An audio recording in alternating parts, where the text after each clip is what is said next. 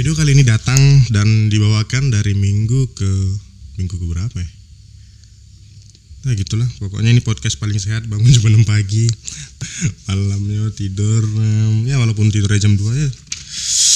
Jadi podcastnya sebenarnya mau buat tentang quarter life crisis. Terus pas aku lagi searching-searching tentang apa itu quarter life crisis Timbullah satu nama yang agaknya dia lah kayaknya yang paling berpengaruh di tentang teori quarter life crisis ini. Namanya Erikson dia punya teori tentang 8 step manusia dalam umurnya. Tapi kayaknya aku juga punya tentang teori manusia dalam hidupnya. Jadi teori gua aja. Nama saya Tim Sandi dan Bumper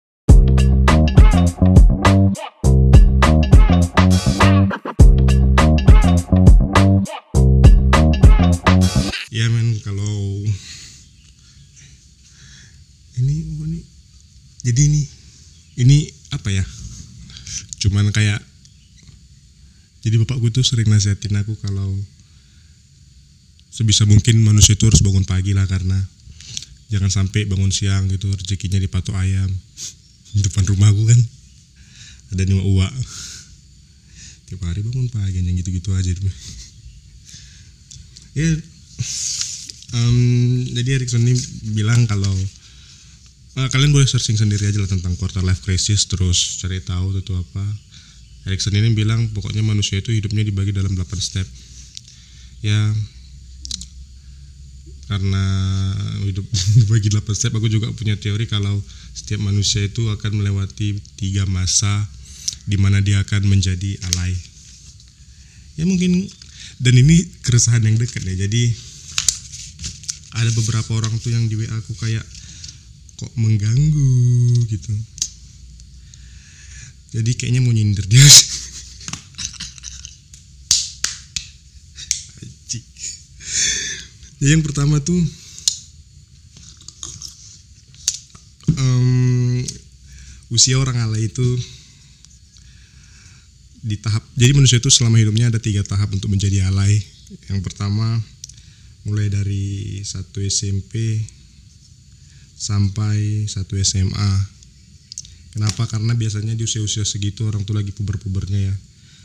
Em, lagi kenal sama cinta pertama tapi ya kok mengganggu gitu. Masih bau matahari tapi udah mulai belajar pakai gincu ya.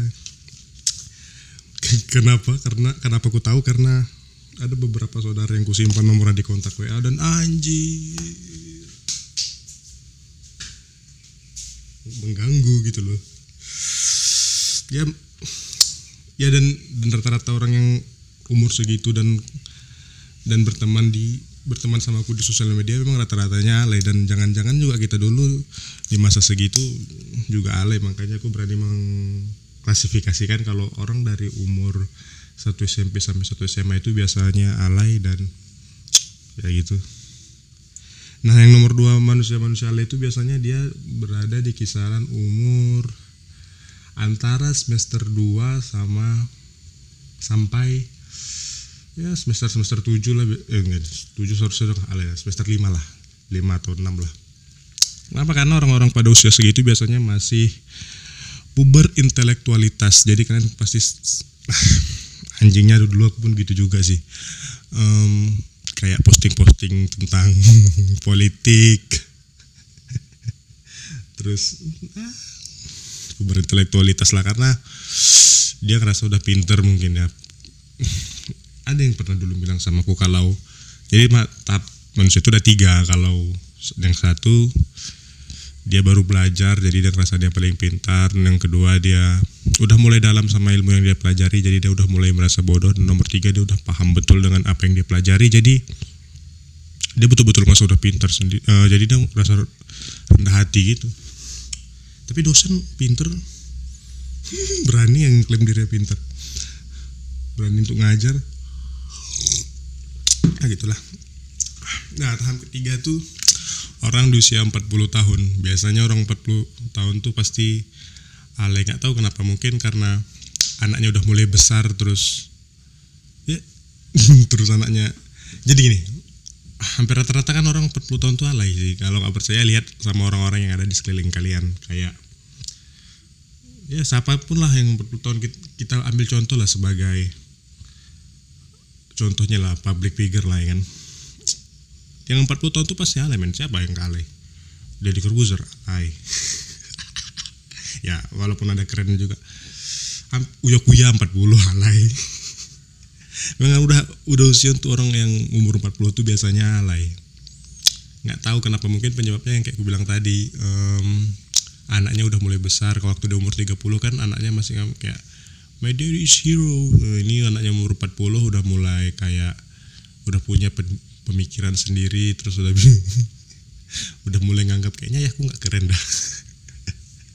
Karena umur 40 itu sebenarnya umur paling paling anjing sih karena dia terlalu muda untuk dia terlalu tua untuk masuk diskotik tapi terlalu muda untuk masuk apotik.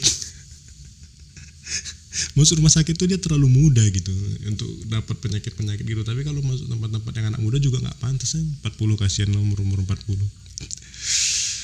jadi ada tiga orang yang ngalah itu. Jadi ya cukup mengganggu sebenarnya tapi ya udah gimana lagi? Memang sebenarnya aku buat podcast ini juga biar kalau kalian punya kontak-kontak yang mengganggu kan baru rame tuh kayak apa sih gunanya ospek gitu-gitu kayak em, ngetes kan di trending topik Twitter juga ngapain sih eh, ospek tes mental ke ospek gitu ya menurutku juga sama. Tes mental ke ospek. Tes mental itu nyimpan nomor WA orang yang usianya. Kita sebutin tadi kan alay alay. Ya gitu. Memang nggak penting-penting banget. Buku bawa tapi ya setidaknya dapat tujuh menitan oh, oke lah jadi intinya kalau kalian punya kawan di sosial media yang umur segitu karena memang biasanya alaynya parah sih kayak em, ya put- kalau foto tempat mewah itu kealayan di semua usia lah kayak dia lebih alaynya lagi ya kayak itu tadi kayak ya cuman ya TikToknya betul-betul nggak jelas kalau yang usia SMP sampai SMA tadi. Terus ya biasanya kalau yang udah us- usia kuliah itu alaynya ya memang sok pinter sendiri aja sih memang yang umur 40 alaynya ya kayak gitu kadang jadi yang usia SMP tadi kan alaynya di penampi di penampilannya kebanyakan. Kalau yang di SM yang kuliah tadi penampilannya di pemikirannya. Kalau yang udah 40-an pemikirannya luar dan dalam aja alaynya alaynya luar dan dalam dari segi penampilan. Dan dari segi pemikiran kan kayak uya kuya kan dari atas ke bawah branded semua tuh ya segitulah teman saya Detem Sani dan thank you